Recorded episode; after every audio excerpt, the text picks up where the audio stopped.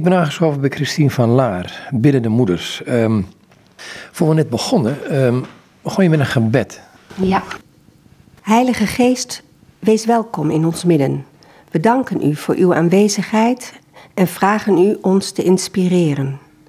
Laat het samen zijn geheel van u zijn, Heer. Neem onze eigen gedachten van ons weg en geef ons uw gedachten. Geef ons de gave van lofprijzing, zodat we onze God kunnen verheerlijken, Hem eren en aanbidden. Geef ons de gave van voorbeden, zodat wij onze kinderen voor U kunnen brengen en Uw wil voor hen zoeken. Geef ons een dankbaar hart voor alle zegeningen die U over hen hebt uitgestort. Amen. Biddende moeders.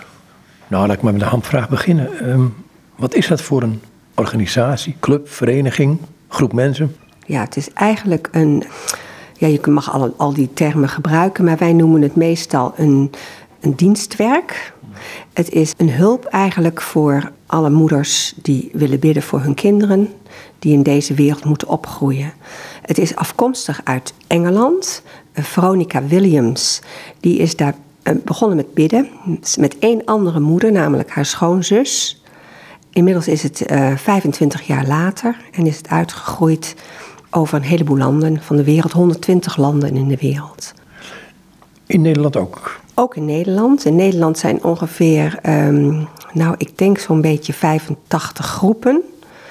Uh, en daar zijn dus moeders bij aangesloten van allerlei uh, denominaties. Het zijn ook wel veel katholieke moeders, maar uh, het neemt niet weg dat het echt, ook het de boekje, de, de, gebeden zijn ook echt geschikt voor alle moeders om te bidden. Want we bidden tot Christus, tot Jezus. Verder zijn er ook een heleboel moeders die alleen bidden, die dus uh, niet zo goed naar een gebedsgroep kunnen komen. En die, zouden, die kunnen alleen bidden, die hebben soms ook een boekje, die ontvangen ook de nieuwsbrief één keer in het jaar. Dus die zijn ook met ons verbonden in gebed. Hoe werkt het in zo'n groep? Want ik kan me voorstellen, als ik dit hoor, dat ik denk van ja, samen met andere vrouwen bidden. Nou, ik eerst de andere vraag stellen. Hoe, hoe zijn die bijeenkomsten? Die bijeenkomsten zijn wekelijks en vaak liefst bij een moeder thuis. Er zijn ook echt groepjes die bidden graag in een kerk of in een ruimte in, bij de kerk of in de pastorie. Als dat kan is het ook goed, maar uh, het is het eigenlijk het mooiste dat je gewoon bij een moeder thuis bidt en daar, uh, ja, daar, daar, komen dan een aantal moeders bij elkaar. Met twee ben je al een groepje. En uh, liefst niet meer dan acht moeders, omdat je anders de, de vertrouwelijkheid en de, ja, de, de, dat iedereen ook aan het woord komt. De tijd komt in het gedrang als je te veel, uh, als je te veel moeders hebt. Want iedereen heeft natuurlijk zijn eigen kinderen om naar voren te brengen en om aan God over te geven. Dus dat is het wel zo'n beetje. We, beginnen dus met samenkomen. Meestal is er thee. En dan praten we wat. Dan hebben we een intentieschriftje. En daarin dan gaan we een rondje maken. Dan vragen we dus aan de moeders van, uh, nou, uh, heb je nog intenties? Intenties zijn voorbeders. Ja, dat zijn inderdaad voorbeders. En dat zijn dus de, die voorbeders zijn, die eigenlijk geschikt zijn om in het schriftje te schrijven. Voor, voor de echte, op het moment van overgave hebben we eigenlijk alleen de namen van onze kinderen op een rondje. Dus alles wat daarbij hoort, dus ons kind met zijn man of vrouw. Uh, op de achterkant de kleinkinderen. En zo heeft elk kind een rondje. En ook de kinderen die, uh, die misschien uh, geaborteerd zijn. Schrijf, wordt, raadt Veronica ook aan en dat doen wij dus ook. iedereen, alle kind hoort op een rondje met een naam. Geef het kind ook een naam. En ook voor de priesters of voorgangers. Elke priester of voorganger krijgt dus ook een, een rondje. en één iemand is dat dan die je adopteert. Dus aanhalingstekens adopteert. Verder komt er niemand op een rondje, maar natuurlijk zijn moeders vaak benaderd of uh, hebben zelf uh, natuurlijk ook allemaal banden met iedereen. Hun ouders, hun, hun, hun, hun zussen, broers, die ook weer kinderen hebben. En die intenties die ze daarvoor hebben, dus die voorbeden die ze daarvoor willen doen, die schrijven we dus in het schrift. Maar op zo'n rondje, op zo'n papiertje, dan schrijf je alleen de namen. Uh, wat doe je ermee? Uh, nou, we gaan, die namen die staan erop. Dat doe je vaak voor de bijeenkomst al. En die houden we bij ons. We hebben op de tafel staan een kruis. Dat is Christus is onze verlosser. het licht, dus een kaars, het licht van Christus. Een mandje, dat zetten we voor het kruis neer. En daar, dat zijn eigenlijk als het ware de open handen van God, waar we straks de kinderen in leggen. En de Bijbel, die altijd opengeslagen is. Dan bidden we negen gebeden, die altijd voor elk land, dat is ook zo mooi, voor alle groepen over de hele wereld doen het allemaal hetzelfde. Met dezelfde melodie, met dezelfde intonatie bijna hoor je het, ook al is het een andere taal, hoor je die gebeden als je, bij de, als je dat wel eens hoort dan op bijeenkomsten die we ook hebben. Voor moeders uh, die, die een beetje de boel leiden in de landen.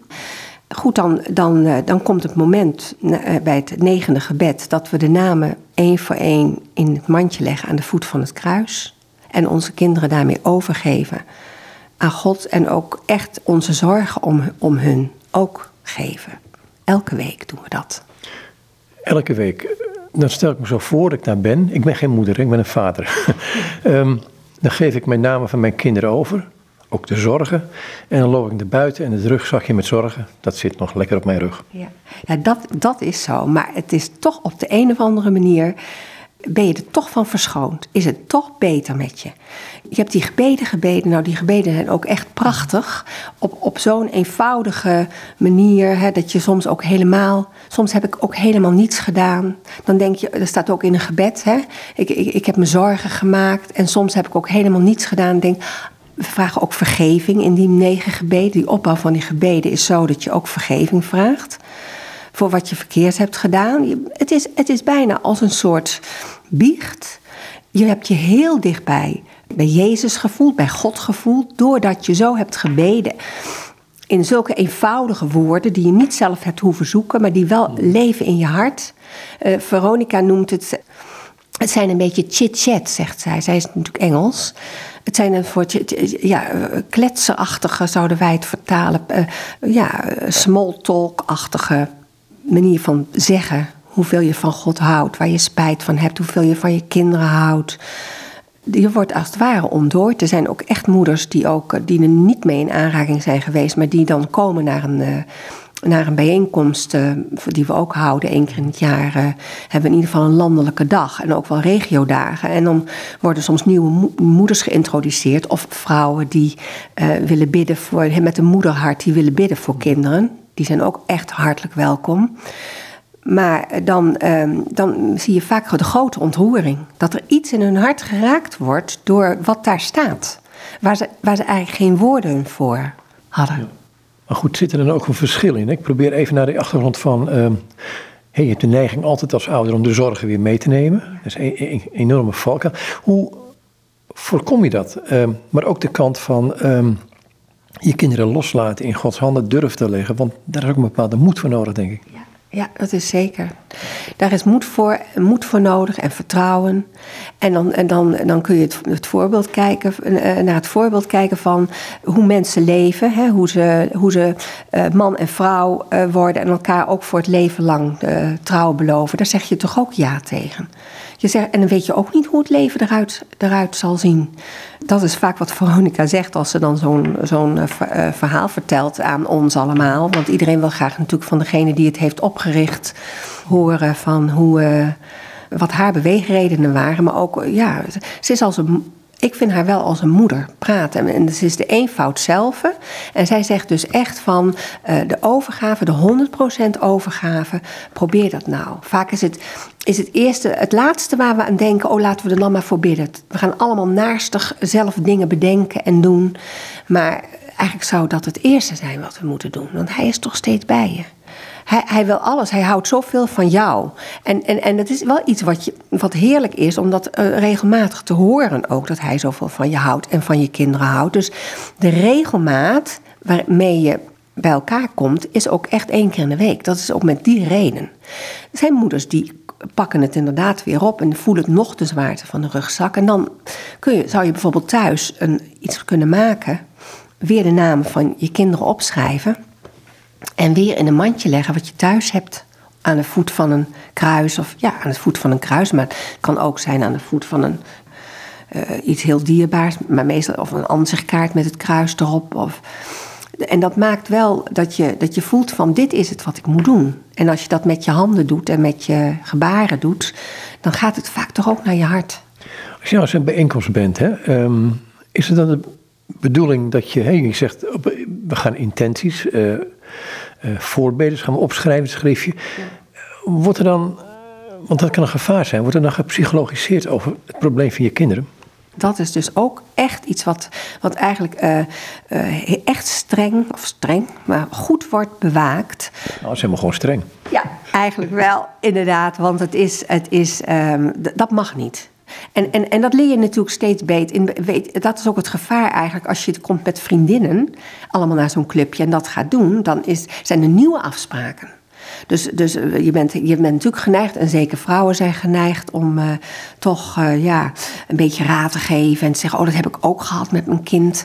Ik ben naar die en die arts geweest. Of, en, dan, en dan moeten we echt zeggen: van, we, ge- we geven elkaar geen advies. Want elk nieuws wat een moeder brengt en elk verdriet wat zij brengt, dat willen we brengen bij God. Hij is degene. Dan is het net of je inderdaad het werk van hem wilt, eh, denkt van nou dat is niet zo belangrijk. Ik wil eerst even mijn eigen zegje doen. En het is wel heel menselijk, maar het is, het is ja. Eh, het is niet waarvoor we bij elkaar zijn. Dus bij, bij alles eigenlijk waar, waarvan we merken... Uh, oh, dit gaat de verkeerde kant op. Hè? En, en er zijn altijd een aantal moeders die al langer bij biddende moeder zijn... en die dat heel goed weten. Het wordt ook steeds weer herhaald op de landelijke dagen... De, dat we echt twee dingen zijn. We geven geen raad, geen advies... En de vertrouwelijkheid moet altijd, uh, altijd er zijn. Dus moeder, moeders moeten dingen kunnen zeggen... En die mogen niet buiten die muren komen. Maar je zegt, moeders moeten dingen kunnen zeggen. Krijgen ze er ook de tijd voor om het helemaal te zeggen? Want het kan soms een heel chaotisch verhaal zijn.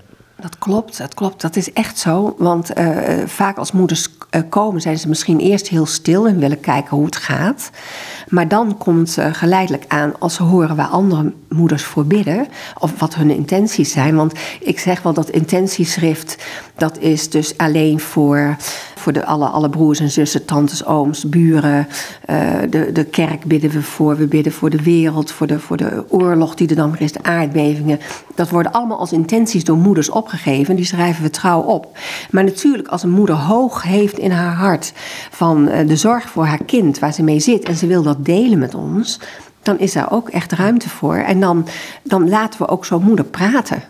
En dan is het soms wel dat andere moeders uh, daar onrustig van worden en denken van wanneer ik, ik kom niet aan bod. En dan zegt ook altijd iemand die er al langer bij is en die weet hoe het gaat. Soms ligt de nadruk een beetje meer op dit moment, maar de volgende keer kunnen we bijvoorbeeld weer veel meer tijd besteden aan wat anders. Ja, je noemde in het begin van het gesprek ook al, het is een groep van acht mensen, dus vertrouwelijkheid heb je net genoemd. Um, die veiligheid, die kwetsbaarheid bijna ook, um, ja, die kun je niet forceren. Nee, die kun je niet forceren, dat is waar. En je kunt um, ook echt zien dat moeders uh, op het moment dat ze de naam in het mandje leggen, dus dat is na alle gebeden, dat ze dan breken. Dat kan. En dan hebben we ook echt de, de, raad om nooit zo'n moeder uh, te omarmen of te menen dat we moeten troosten. We gaan dan gewoon uh, uh, rustig blijven zitten en bidden. Dus op de achtergrond bidden voor haar. En, want dat is haar moment met de Heer. En juist door de tranen kan de Heilige Geest heel veel doen in het hart van de moeder. Heb je het over bidden? Er zullen mensen komen die nog nooit gebeden hebben, of nooit hardop gebeden hebben, misschien wel in een hart. Ja, wat is dat bidden? Ja, we hebben natuurlijk de steun van, de, van het prachtige boekje wat we hebben. Met een heel klein boekje met uh, alle gebeden erin die we, die we bidden. En eigenlijk is, het, is de vraag als een nieuwe moeder komt en die heeft nog nooit gebeden, is, is het enige criterium is dat ze bidden tot, tot Jezus. We vragen Jezus. En als hij zegt dat wil ik graag, want ik ben zo wanhopig, ik ga ook niet naar de kerk, ik doe verder niks, maar uh, een dierbare iemand die ik tegenkwam, die heeft mij aangeraden, kom eens bij ons groepje, kijk eens of het iets voor je is. En ze komt en ze bidt mee en ze wordt geraakt door iets. Dat is, dat is het werk van onze lieve Heer. Dat is niet ons werk. En dat is ook het werk van de gebeden. En als een moeder blijft, dan, dan blijft ze. Moeders komen soms ook een week niet en de volgende week weer wel. En soms blijven ze een tijd weg. erg leuk. Daar zijn we ook altijd blij mee uh, dat de jonge, met, jonge moeders ook, ook bidden. Dus dat, uh, dat ik dan bijvoorbeeld hoor um, dat er een moeder, uh, moeders alles doen via de app. Ze spreken dus af waar ze het zullen doen. Wekelijks. En, en dan heeft weer een moeder een babytje gekregen. Dan gaan, en die kan dan niet weg. Dus dan doen ze het daar. En het is dan wel heel druk, maar wel altijd heel mooi, zegt, zegt zo'n moeder. Dus elke groep heeft ook weer zijn eigen manier van doen rondom het bidden. Zijn moeders die, zijn wat ouder en die willen dan het liefst niet de straat uit. Dus die hopen dan dat er een groepje in hun straat kan. Er zijn moeders die ervoor reizen, dus die gaan rustig van Zwolle naar uh, Olst. Er was ook een groepje. Dan kan me voorstellen dat je daar komt en dat je een bepaalde schroom hebt. Um, hoe overwin je die? Door gewoon, door, door gewoon menselijke vriendelijkheid. En door ook een moeder haar zegje te laten doen. Want vaak denkt de moeder ook dat ze toch op een soort uh, groepje met moeders. Nou, ik heb ook allemaal mooie dingen. Dus ik, ik, het valt me echt op dat veel vrouwen die dan benaderd zijn om, uh, ja, of, of die heel graag bij ons een keer mee willen bidden, dat die vaak zelf ook wat begaan. Ja, daar voelen ze zich denk ik zeker door. Dat ze zeggen, ik wil jullie ook wat geven. Zo, jullie hebben dan het mooie boekje en jullie doen dit, maar dit is ook heel mooi. En dat is iets waar je heel liefdevol en begripvol eigenlijk over moet zijn, maar wel beslist. Dus ook geen andere dingen. We doen eigenlijk alleen maar dit. En dan ook meteen uitleggen dat dat is omdat we ook willen, graag willen dat alle moeders die er zijn, dat die ook, dat ook krijgen waar ze voor komen. En dat niet dat gevaar uh, komt, uh, dat, dat het prachtige moment dat, uh, dat, dat we de namen van de kinderen in het mandje leggen, dat dat in het gedrang komt. Omdat we zeggen, ja, we willen wel graag, het moet ongeveer tussen drie kwartier en anderhalf uur duren, zo'n bijeenkomst. En echt niet langer dan anderhalf uur. Want dan, dan krijg je dat moeders denken van nou dat duurt me te lang. Het kost me de hele middag met een reizerij erbij. Ik ga niet meer of ik ga minder. En dat moeten we bewaken. Er komt nu een hele lelijke opmerking van een prior naar binnen toe bij me. Die zei, uh, als een dienst langer dan een uur duurt, dan komt de duivel naar binnen. Maar die zou die is als niet gezegd, maar beschouwen. Hey, zou je dit gebed voor uh, bij de naam in het mandje leggen? Uh, zou je dat voor kunnen lezen? Uh, gebed als we de namen in het mandje leggen. Heer Jezus, we komen bij u als moeders die uw zegen willen vragen over hun eigen kinderen en over alle kinderen van de hele wereld. We danken u voor onze kinderen. Ze zijn een kostbaar geschenk aan ons. Help ons, Heer, dat we dat nooit vergeten, vooral als ze in moeilijkheden verkeren. Heer, ze leven in een beangstigende wereld, een wereld die u vaak niet erkent. Een wereld waarin ze vaak uitgelachen worden als ze toegeven dat ze in u geloven. Help hen om sterk te zijn, Heer. Laat ons steeds ervan bewust zijn dat u altijd met ons bent en alle vreugde en pijn met ons deelt. Dat u met ons lacht als we blij zijn en met ons huilt als we verdrietig zijn. Geef ons alle genade die we nodig hebben om uw plannen voor ons leven te verwezenlijken en om aan de verplichtingen voor onze gezinnen te kunnen voldoen. U bent de Almachtige Zoon van God. U kunt dingen veranderen. Daarom keren we ons in geloof en liefde tot U, wetend dat U onze gebeden zult beantwoorden. Heer, geef dat wij er altijd aan zullen denken hoeveel U van ons en onze kinderen houdt en hoe u er bij ons op aandringt met al onze problemen bij u te komen. Amen. Kom tot mij, allen die vermoeid en belast zijt, en ik zal u rust geven. En dan staat er achter het boekje zo'n ja, een advies eigenlijk. Keer je in gebed tot Jezus. Hij houdt van jou, hij houdt van jullie allemaal, hij houdt van jullie kinderen. Wanneer zullen jullie beseffen hoezeer hij je lief heeft? Ligt daar het geheim? Daar ligt het geheim. En ik weet dat, uh, dat, dat, dat dat zijn echte woorden. Die, die, we hebben nu een nieuw gebedenboekje vanwege het 25-jarig bestaan. Ook daar staat het weer achterop. Ja. Dat is het geheim. Ja. Ik moet er iets anders denken. Ik, ik merk vaak dat je tenminste, dat is bij mij zo, misschien bij andere mensen ook wel. Als je bidt, soms heb je idee, je, je, je praat wat in je hoofd, je zegt wat en je doet het gewoon. En tot die stomme verbazing ja, je voelt er niks bij, je hebt er niks bij, maar je zegt het. En God is er toch op de een of andere manier mee bezig. En dat verbaast mij steeds meer. Kom je dat tegen in deze setting? Want ik kan me voorstellen dat je niet altijd het fijne gevoel hebt. Nee, ik, ik denk dat het is dat wij. Um, dat je wel degelijk dus het, het fijne gevoel hebt. Dat heb je eigenlijk door, doordat je iets doet wat je wekelijks doet. Door de, en dat je denkt van, ook al heb ik daar niet altijd dezelfde gevoelens bij... en ook al kan ik soms ook helemaal niet loslaten dat je wel denkt van de trouw van God. Weet je, dat spreekt zo uit al die gebeden. Hij is mij, hij wil trouw zijn aan mij. En hij en, hij, en ik, ik hoef maar de deur open te zetten. En ik hoef hem maar uh, tot hem te komen als ik belast ben. Want dat is toch vaak de, de, de, de gevoeligheid van God, maar ook onze gevoeligheid om naar hem toe te komen. Dat als we wat hebben, dan, dan roepen we om hem als om een vader. Dus dan denk ik soms wel, als ik niks voel of als ik denk van nou, ik weet eigenlijk niet zo goed, ja, ik doe gewoon maar met trouw mijn ding. Dan denk ik van een, heel, een heleboel dingen zit gewoon in trouw doordoen. Ook al voel je misschien helemaal niet uh, je altijd daar even gelukkig en, en, en, en beantwoord. De liefde ook, of, of de gebeden die we bidden en, en de hoop die we hebben voor onze kinderen. En de vragen die we stellen, die, die worden vaak niet beantwoord. Maar als ik dan hoor eh, van Veronica dat ze toch heel veel gebedsverhoringen ontvangt van over de hele wereld. Want situaties worden beter. De, verstand, de verstandhouding tussen ouders en kinderen wordt beter. Je wordt zelf eigenlijk ook een andere moeder. Je wordt een moeder die je kinderen uh, behandelen ze altijd met respect. Altijd, wat ze ook doen.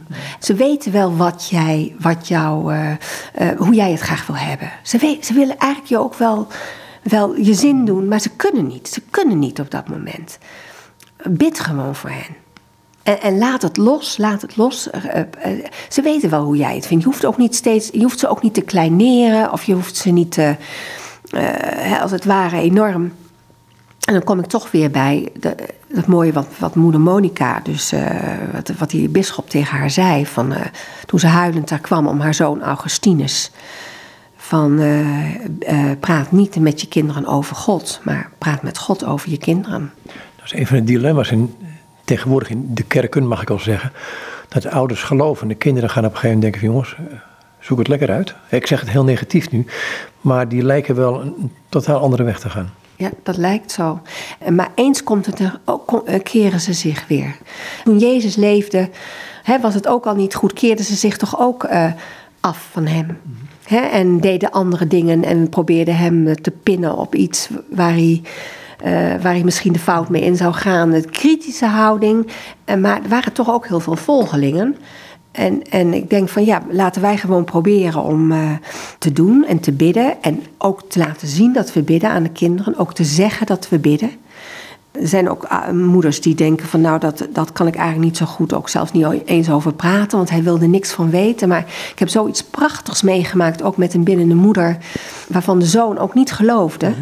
Maar hij regelde wel alles voor haar toen ze naar het buitenland ging om hem te bezoeken. Dat ze elke dag naar de kerk Hij wist haar wensen.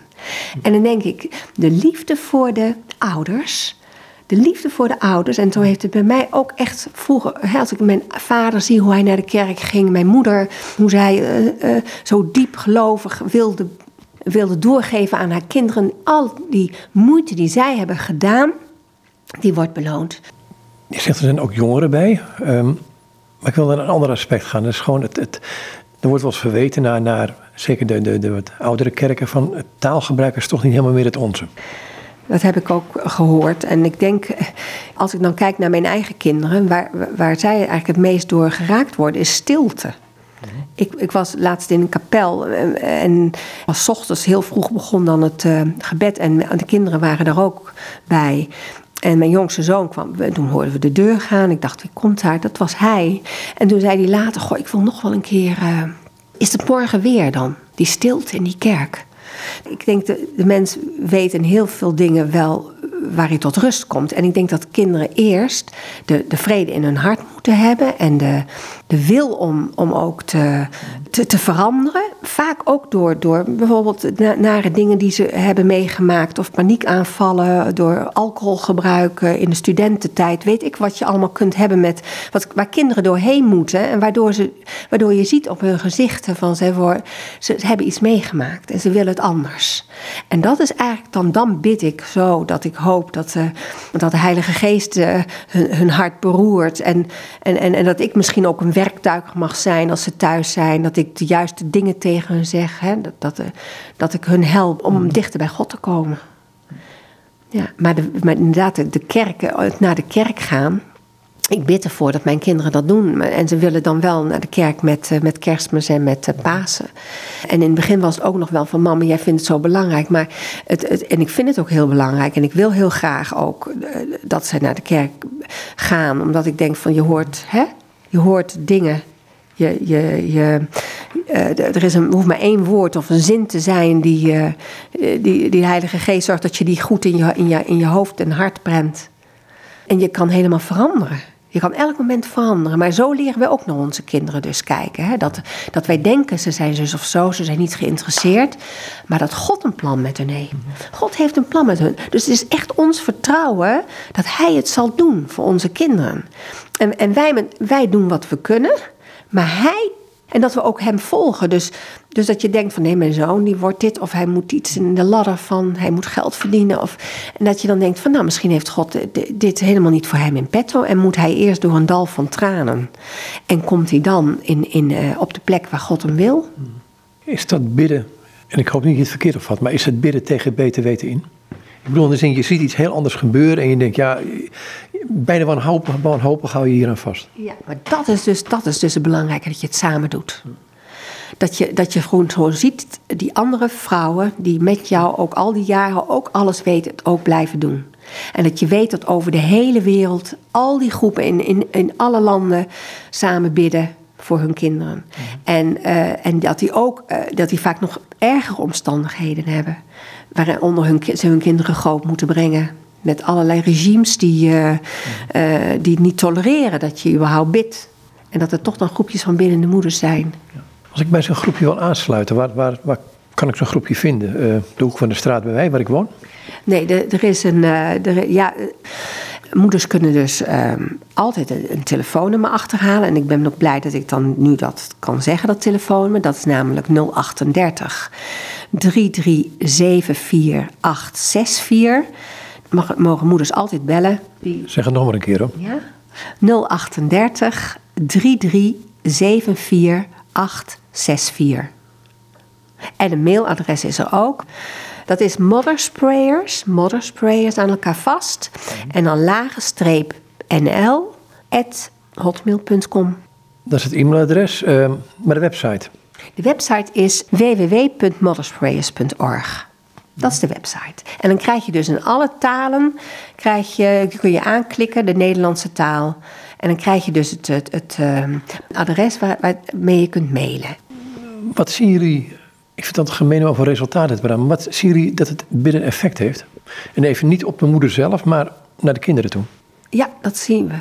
Dat zien we. En ik, eh, eh, maar ik kan niet anders. Je zegt dat niet op de moeder zelf. Maar er zijn dus echt gebedsverhoringen. Dat, dat, dat bijvoorbeeld uh, dat we al heel lang bidden voor kinderen die nou ja, voor, een baan bijvoorbeeld. Of, uh, en hij krijgt een baan. En zonder dat de moeder daar nou zelf uh, het vuur uit haar sloffen heeft gelopen om, om dat te bewerkstelligen. Hij krijgt gewoon een baan. Voor een, de harmonie in de gezinnen. Dus dat je weet van mijn kinderen hebben een. Een slechte verstandhouding met elkaar hè, in het gezin en de kinderen lijden eronder. Als je dat elk als je ziet dat het beter gaat. Maar weet je wat dat ook is? Dat het vaak dat het zo langzaam gaat. Het op Gods wijze gaat het. Hè? Dus vaak niet ad hoc. Het gaat langzaam. Hij doet het op zijn manier. Dus het op zijn tijd en op zijn wijze. En dan krijg je soms toch dat dingen veranderen. Bijvoorbeeld een kind wordt gepest in de klas. Daar hebben moeders ook wel voorbeelden van. En het is een onhoudbare situatie. Moeten we dat? Moeten we van school veranderen? Moeten we blijven? En dan op een dag zijn die pestkoppen gewoon weg. En is het pesten over. En het is een groot, uh, groot goed dat wij proberen dat um, met grote blijdschap weer terug te brengen in ons binnen moeders gebedsgroepje. En zeggen van, dit gebed is verhoord. Heeft echt ons... En soms moeten we elkaar herinneren dat iemand vertelt... maar het is nou zo fijn, het gaat nou zo goed. Nou, zegt dan een moeder, daar hebben we voor gebeden, weet je nog? En dat je het dan weer terug kan geven aan God in dankbaarheid. Terwijl je soms ook denkt van, nou, het is gewoon vanzelf goed gegaan. Weet je, dan denk je al bijna niet meer aan dat je er zo voor gebeden hebt. Want er is alweer een volgend probleem vaak. Want dat is zo, we leven in, wel in de wereld. Met alle menselijke dingen en met alle verdrietigheden. En alles wat je belast en, en alles waar je je zorgen om maakt, uh, gewoon bij, aan, aan hem voorleggen. Heb je nog meer voorbeelden van wat er gebeurt naar aanleiding van moeders die met elkaar bidden? Ik denk dat bij alle moeders eigenlijk het geloof is gegroeid. Het geloof in God, het vertrouwen op Hem. Ook dat zelfs moeders ook naar de kerk zijn uh, gegaan. Uiteindelijk zijn, uh, christen zijn geworden. Ja, dat er een, dat er een, um, een verbetering is ook in uh, de relatie met de man. We bidden ook natuurlijk altijd aan het eind van al de gebeden bidden we voor, voor de vaders en echtgenoten. Soms is een, is, een, is een vader of is, is, een, is de man van de vrouw niet uh, gelovig. En is, zij, is dit helemaal haar ding en hij laat haar ook. Maar, en dat is ook weer zo mooi. Dan hoor je weer terug van de mannen dat zij eigenlijk bij biddende vaders zijn gegaan. Door het voorbeeld van hun vrouw. Door de, hoe ze hun vrouw zagen terugkomen van zo'n bijeenkomst. Je hebt er een boekje liggen, dat is geit uitgegeven door biddende moeders. Ja, um, vreugde door overgave aan hem. Wat is je overgave precies? Overgave, dat is rustig blijven. En alles wat je, wat je moeilijk vindt of waar je, waar je je zorgen om maakt, uh, waar je verdriet om hebt en waar je ook eigenlijk niks aan kan doen op dat moment, bij God brengen. En, en dat ook laten. Want overgave, echte overgave is echt van als een kind uh, je overgeven zoals een kind zich overgeeft aan de vader. Van ik, uh, uh, ik weet het niet meer.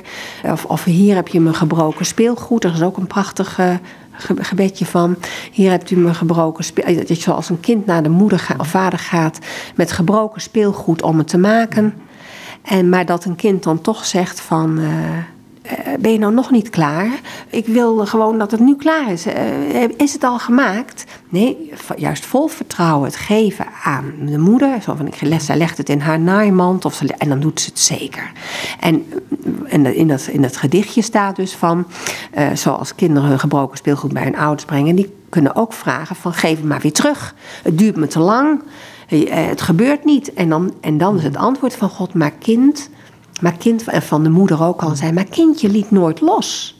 Je liet nooit los. Dus het echte loslaten, dat is denk ik de echte overgave. En ook in de kleine dingen, want dat is zo mooi in dit boekje, van Vreugde door overgave aan hem, dat Veronica eigenlijk daar haar weg, haar weg uh, in overgave laat zien. En dat zijn eigenlijk ook weer zulke eenvoudige dingen. Het is niet een groot gebaar van overgave, het zit hem ook in iets nodig hebben, gewoon iets materie materiaal voor je huis of voor je geld uh, wat je niet hebt en waar je, je wil een huis kopen. Dingen vallen je toe. En dat je doordat je het eerst bij hem hebt gebracht, merkt van hij zorgt voor mij. Kijk, wat, wat, wat zie ik nou? Ik krijg het. Ik krijg het op, een, op de manier waarop ik het wil. Goedkoop. Bij de kringloop bijvoorbeeld, want daar houdt ze ook heel veel van. Van charity shops. Veronica, dit is ze.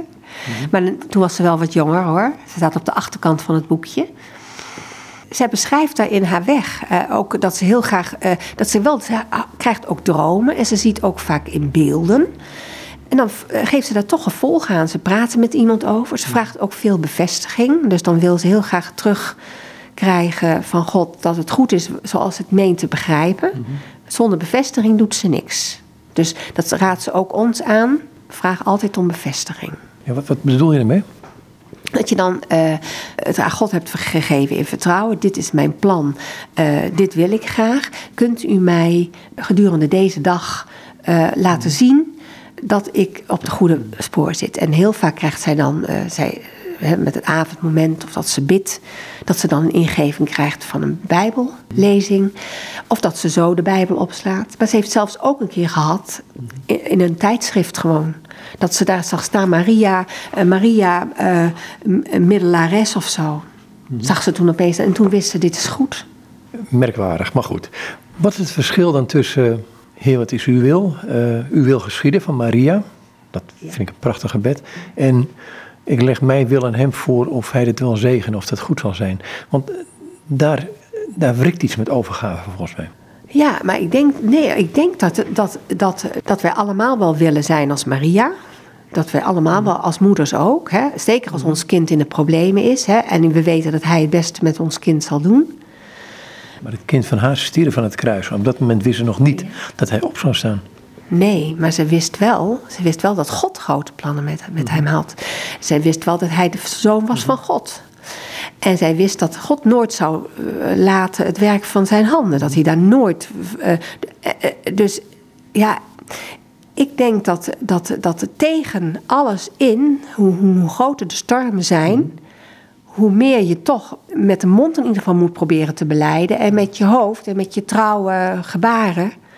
Dat hij er altijd is voor, voor ons. Die overgave, daar wil ik nog een keer naartoe. Um, dat is loslaten. Um, maar die overgave aan hem, is het ook niet uit handen geven van de autonomie over je eigen leven? Het is eigenlijk uh, uh, het, uh, het ehm, hem toestaan, toestaan om hem toelaten in jouw leven om, om daar te doen wat goed voor jou is. En dat kan ook gewoon een, een, een louteringsperiode zijn en een periode met dat je door lijden gaat. En dat je, en dat, of dat je ziet dat je kinderen door lijden uh, moeten gaan. Soms denk je wel van dat iets gebeurt aan je kinderen. Ik weet niet of jij dat ook wel eens hebt gehad met jouw kinderen. Maar dat je soms denkt, er gebeurt nu iets met mijn kind. Dat gaat niet volgens zijn plan, het, het plan van het kind. Maar het is iets heel anders en het doet pijn. Dat ik denk van, God heeft daar een plan mee. En, en omdat ik uit ervaring ook weet dat pijn en verdriet je vaak verder brengen en dichter bij God ben ik blij met. Uh, met uh, en dat zie ik ook. Dus dat, dat is eigenlijk ook uh, God toestaan om dit in jouw leven te doen. de, de, de, de, de pijn opdragen als een offer. Wat je moet dragen. En, en, en gewoon volhouden. Nou zijn er gebedsverhoringen. Um, Zo'n intentieschriftje. Schrijven jullie daarin ook op welke, welke gebeden wel en niet verhoord worden? Ja, we hebben altijd één keer in het jaar, uh, een tijd terug deden we dat nog heel sterk. Dat we dan bij elkaar kwamen en um, een dankviering uh, hadden. En met alle moeders van verschillende groepen in Zwolle. We hebben nu nog maar één groep in Zwolle. Ja, dat, dat is belangrijk, dat je ook elkaar de gebedsverhoringen vertelt. En wat zo mooi is, dat eigenlijk uh, in de nieuwsbrief die, jaar, die we jaarlijks krijgen van Veronica ook... en die we gewoon zo kunnen overschrijven. Daar staan dus ook alle. Ik heb er hier een liggen. uh, daar staan dus ook alle prachtige ge uh, gebedsverhoringen in over uh, vanuit de landen. Kun je er één of twee noemen? Ja, zal ik ze even pakken. Mag ook uit het land hier zijn hoor, of uit Zwolle. Nou, dan krijg je bijvoorbeeld iets van uit Mazabuka in Zambia. Lieve vriendinnen, groeten uit Mazabuka, de zoetste stad in Zambia. Suiker groeit hier en wordt hier verwerkt in het zuidelijk deel van Zambia. Mijn lieve vriendinnen, God is een wonderbare God die luistert en tegen ons spreekt in ons dagelijks leven. In 2015 begon een groepje van vijf moeders elke dinsdagmiddag samen te komen. Toen ze twee maanden verder waren, waren, besloten ze een gemeenschap te vormen, met moddersprayers als basis, omdat veel moeders geïnteresseerd waren en erbij kwamen. Vriendinnen, wij in Mazabuka zeggen bravo tegen jullie die ons hebben geïnspireerd om te besluiten om te gaan bidden, speciaal voor onze kinderen. Boven alles prijzen we de Heer voor de nieuwe, hoop, dat is het, die Hij ons blijft geven en dat op een dag alles goed komt. Ik ben met je, jullie alle dagen. En dan hebben we ook nog een getuigenis uit um, de Tsjechische Republiek. Na onze terugkeer uit Avila hebben we het druk omdat oktober de maand is waarin we normaal onze landelijke dag organiseren voor de moeders in de Tsjechische Republiek. Vorig jaar deden we dat ook. Niet minder dan 700 moeders kwamen bij elkaar voor het vrijdag- en het zaterdagprogramma. En een deel van hen, ongeveer 200, bleven nog tot zondag. We zijn gesteund door het gegeven dat er elk jaar ongeveer 65 nieuwe gebedsgroepen ontstaan. Moeders nodigen ons dikwijls uit, of het nu is om een groep te helpen, vormen of na een aantal jaren van samen bidden om een beetje bemoediging of hulp, om de regels en richtlijnen die wij geven voor het bidden en de samenkomsten weer wat aan te scherpen. En hier heb je een aantal echte korte dingen. Uh, is eenvoudig, maar zo effectief. Het oudste lid van onze gebedsgroep is net 96 jaar geworden. Ze heeft de afgelopen 12 jaar trouw in onze gebedsgroep meegebeden. Modderspace heeft me heel erg geholpen. Onze groep komt al twaalf jaar bij elkaar. Als moeder van vier kinderen en negen kleinkinderen heb ik gedurende de jaren zorgen gehad. Maar dat ik deze zorgen aan de Heer kon geven, heeft me enorm geholpen. En vandaag deelde een moeder in onze samenkomst hoeveel dichter ze tot God is gekomen sinds de retraite. Ze had een heerlijke tijd gehad met haar dochter en kleinzoon. Ze hadden na Pasen samen een paar dagen in de bergen doorgebracht, terwijl normaal hun verstandhouding moeizaam was. Ook had ze eerst gehoorapparaten nodig omdat ze slecht hoorde. Maar na de retraite was ze hiervan genezen. dat is ook mooi. En dan hebben we nog iets erg moois uit Oostenrijk. Mijn man kreeg een zware diagnose in november 2017. Hij had kanker en de tumor zat rond zijn gezichtszenuw. Het verwijderen van de tumor betekende dat er door de gezichtszenuw gesneden moest worden, wat tot het gevolg zou hebben dat de helft van zijn gezicht verlamd zou raken. Hij was heel erg bang voor deze operatieve ingreep en daarom startten de artsen met chemotherapie en bestraling. Tot grote verrassing van de doktoren bleek de tumor na de behandeling van zes weken bij een onderzoek dat na drie maanden plaatsvond verdwenen te zijn. En hier er, rust een bepaalde bediening op Mother's Prayers. Het heeft te maken met overgave. De wereld, schuine streep wetenschap, heeft geen antwoorden. Er gebeurt veel in de wereld. Er verandert veel en snel. Maar zit eerst bij God en ga dan staan en lopen. We geloven in Mother's Prayers. Ik zeg, zit eerst bij God. Uh, hoe doe je dat? Ik denk werkelijk, uh, zoals ik het zou doen, is uh, zitten. Werkelijk gewoon eerst gaan zitten en stil worden. En proberen ook stil te zijn en niet te veel zelf, ook niet de mooie dingen opzoeken die je weer inspireren, maar gewoon werkelijk zitten en wachten tot op wat Hij je zegt. Dat is eigenlijk zitten bij God. Wat zegt hij dan? Is soms moeilijk, want vaak word je eerst verdrietig. Want je bent helemaal niet zo gewend om uh, zomaar te gaan zitten en te wachten. En dan komt het probleem toch weer tot je. Maar dat, dat kan je echt door, door toch wat vaker rust nemen en te zitten.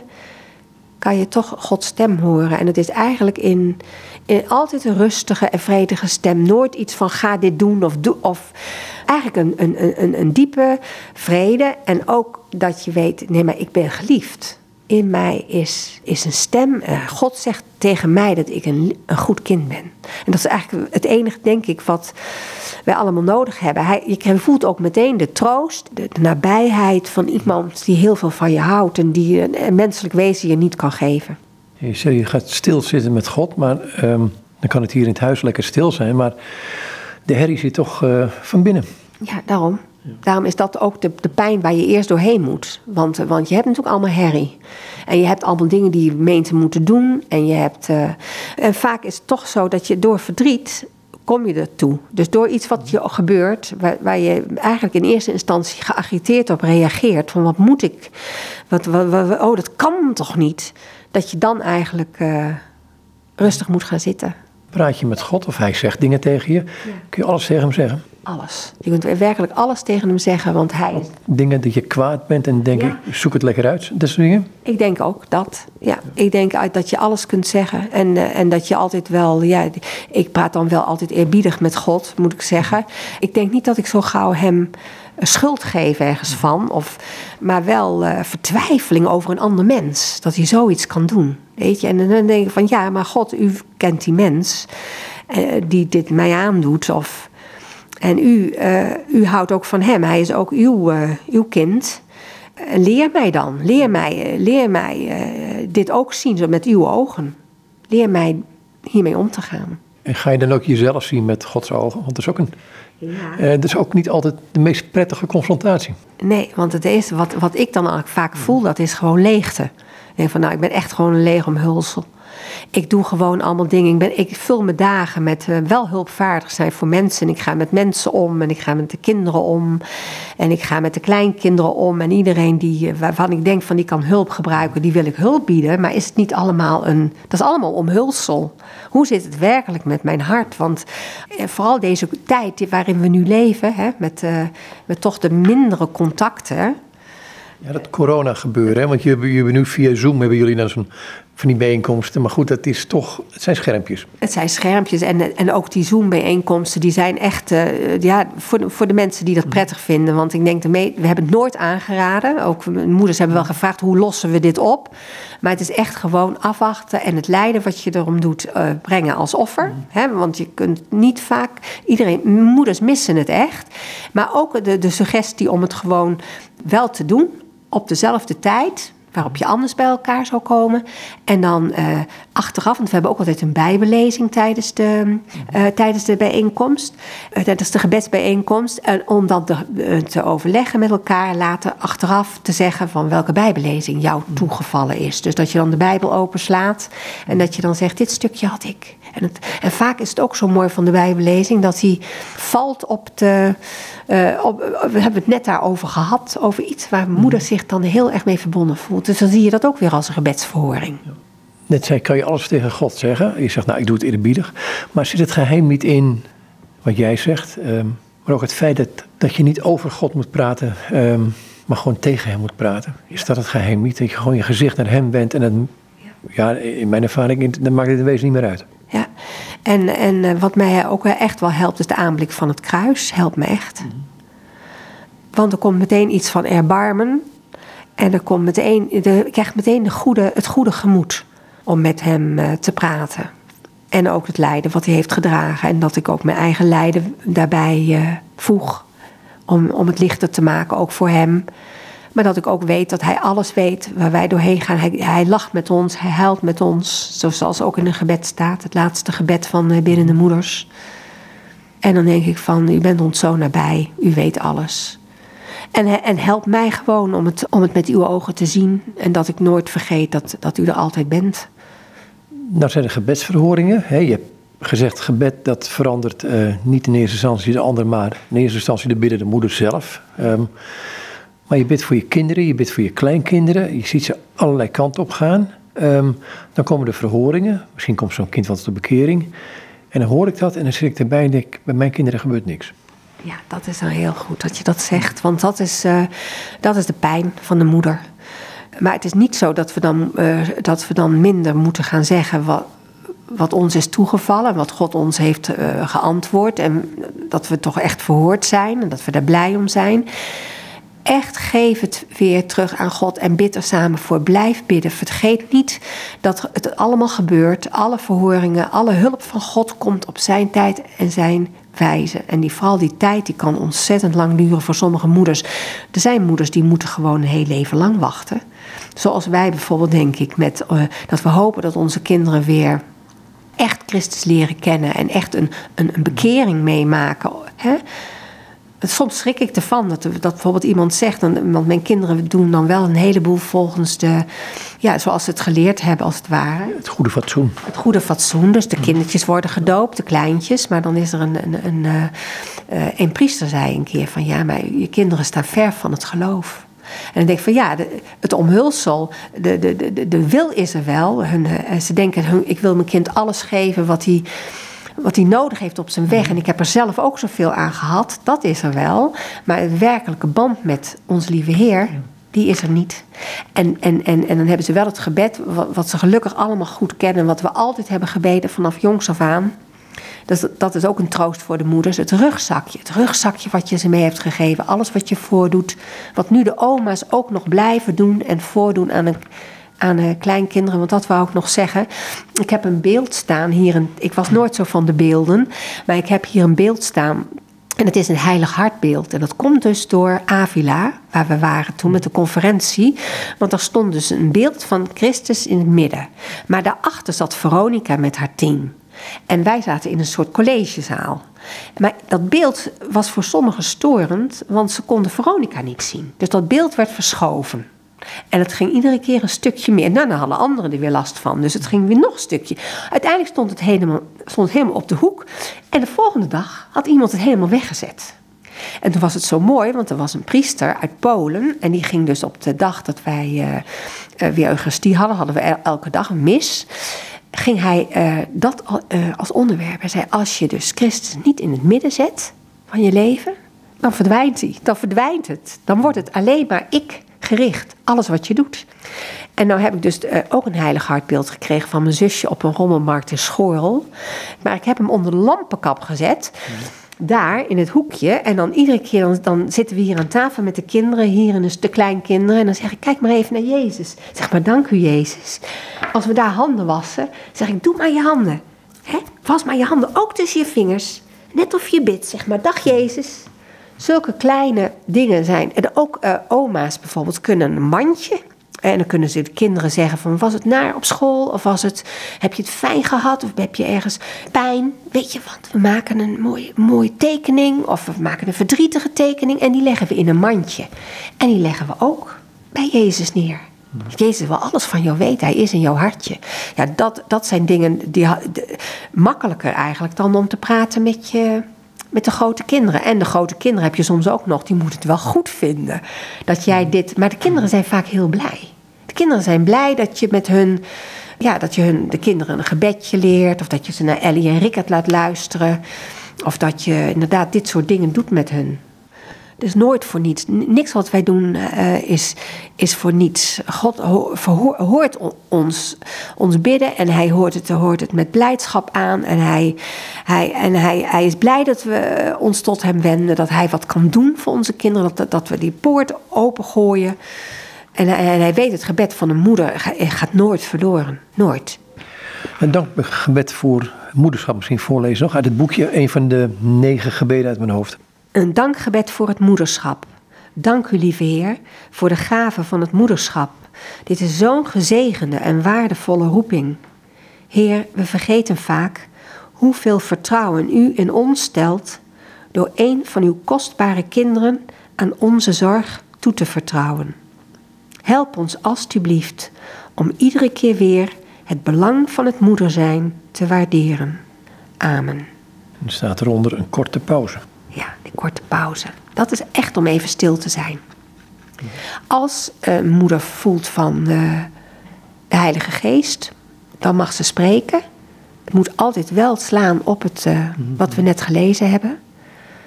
Het is om even bij te komen, om het even de woorden te laten bezinken. En ook hebben we echt ook op die samenkomsten die we dan hebben met Veronica, één keer, één keer in de twee jaar is dat. Dan, dan, dan wordt het ook gezegd dat we zo langzaam moeten lezen. Dat, het zo, dat we het zo lezen, dat we het, dat we het zo bidden, dat, we, dat het in ons hart, dat hart ook bereikt.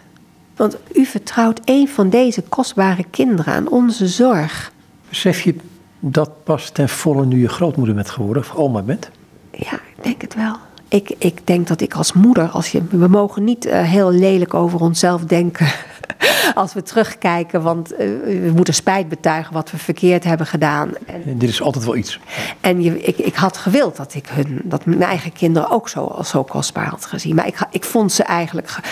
Uh, ik vond het een plicht, een taak. En, een, en ik genoot ook wel van ze. Maar dit, dat, dat genieten, dat voelen dat je een geschenk krijgt. Dat is inderdaad pas nu met, uh, met de kleinkinderen die ik heb gekregen.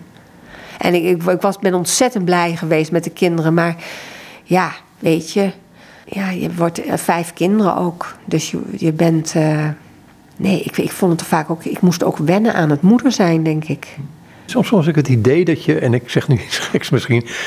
Ik denk, ja, je bent nu op een leeftijd kom je, dat je denkt van ja, nu weet je een beetje hoe het moet. Ja. En nu heb je het al gedaan. Ja, dat is ook zo. Dan ontdek je ook de rijkdom van alles wat je, wat je hebt meegekregen, je eigen rugzak.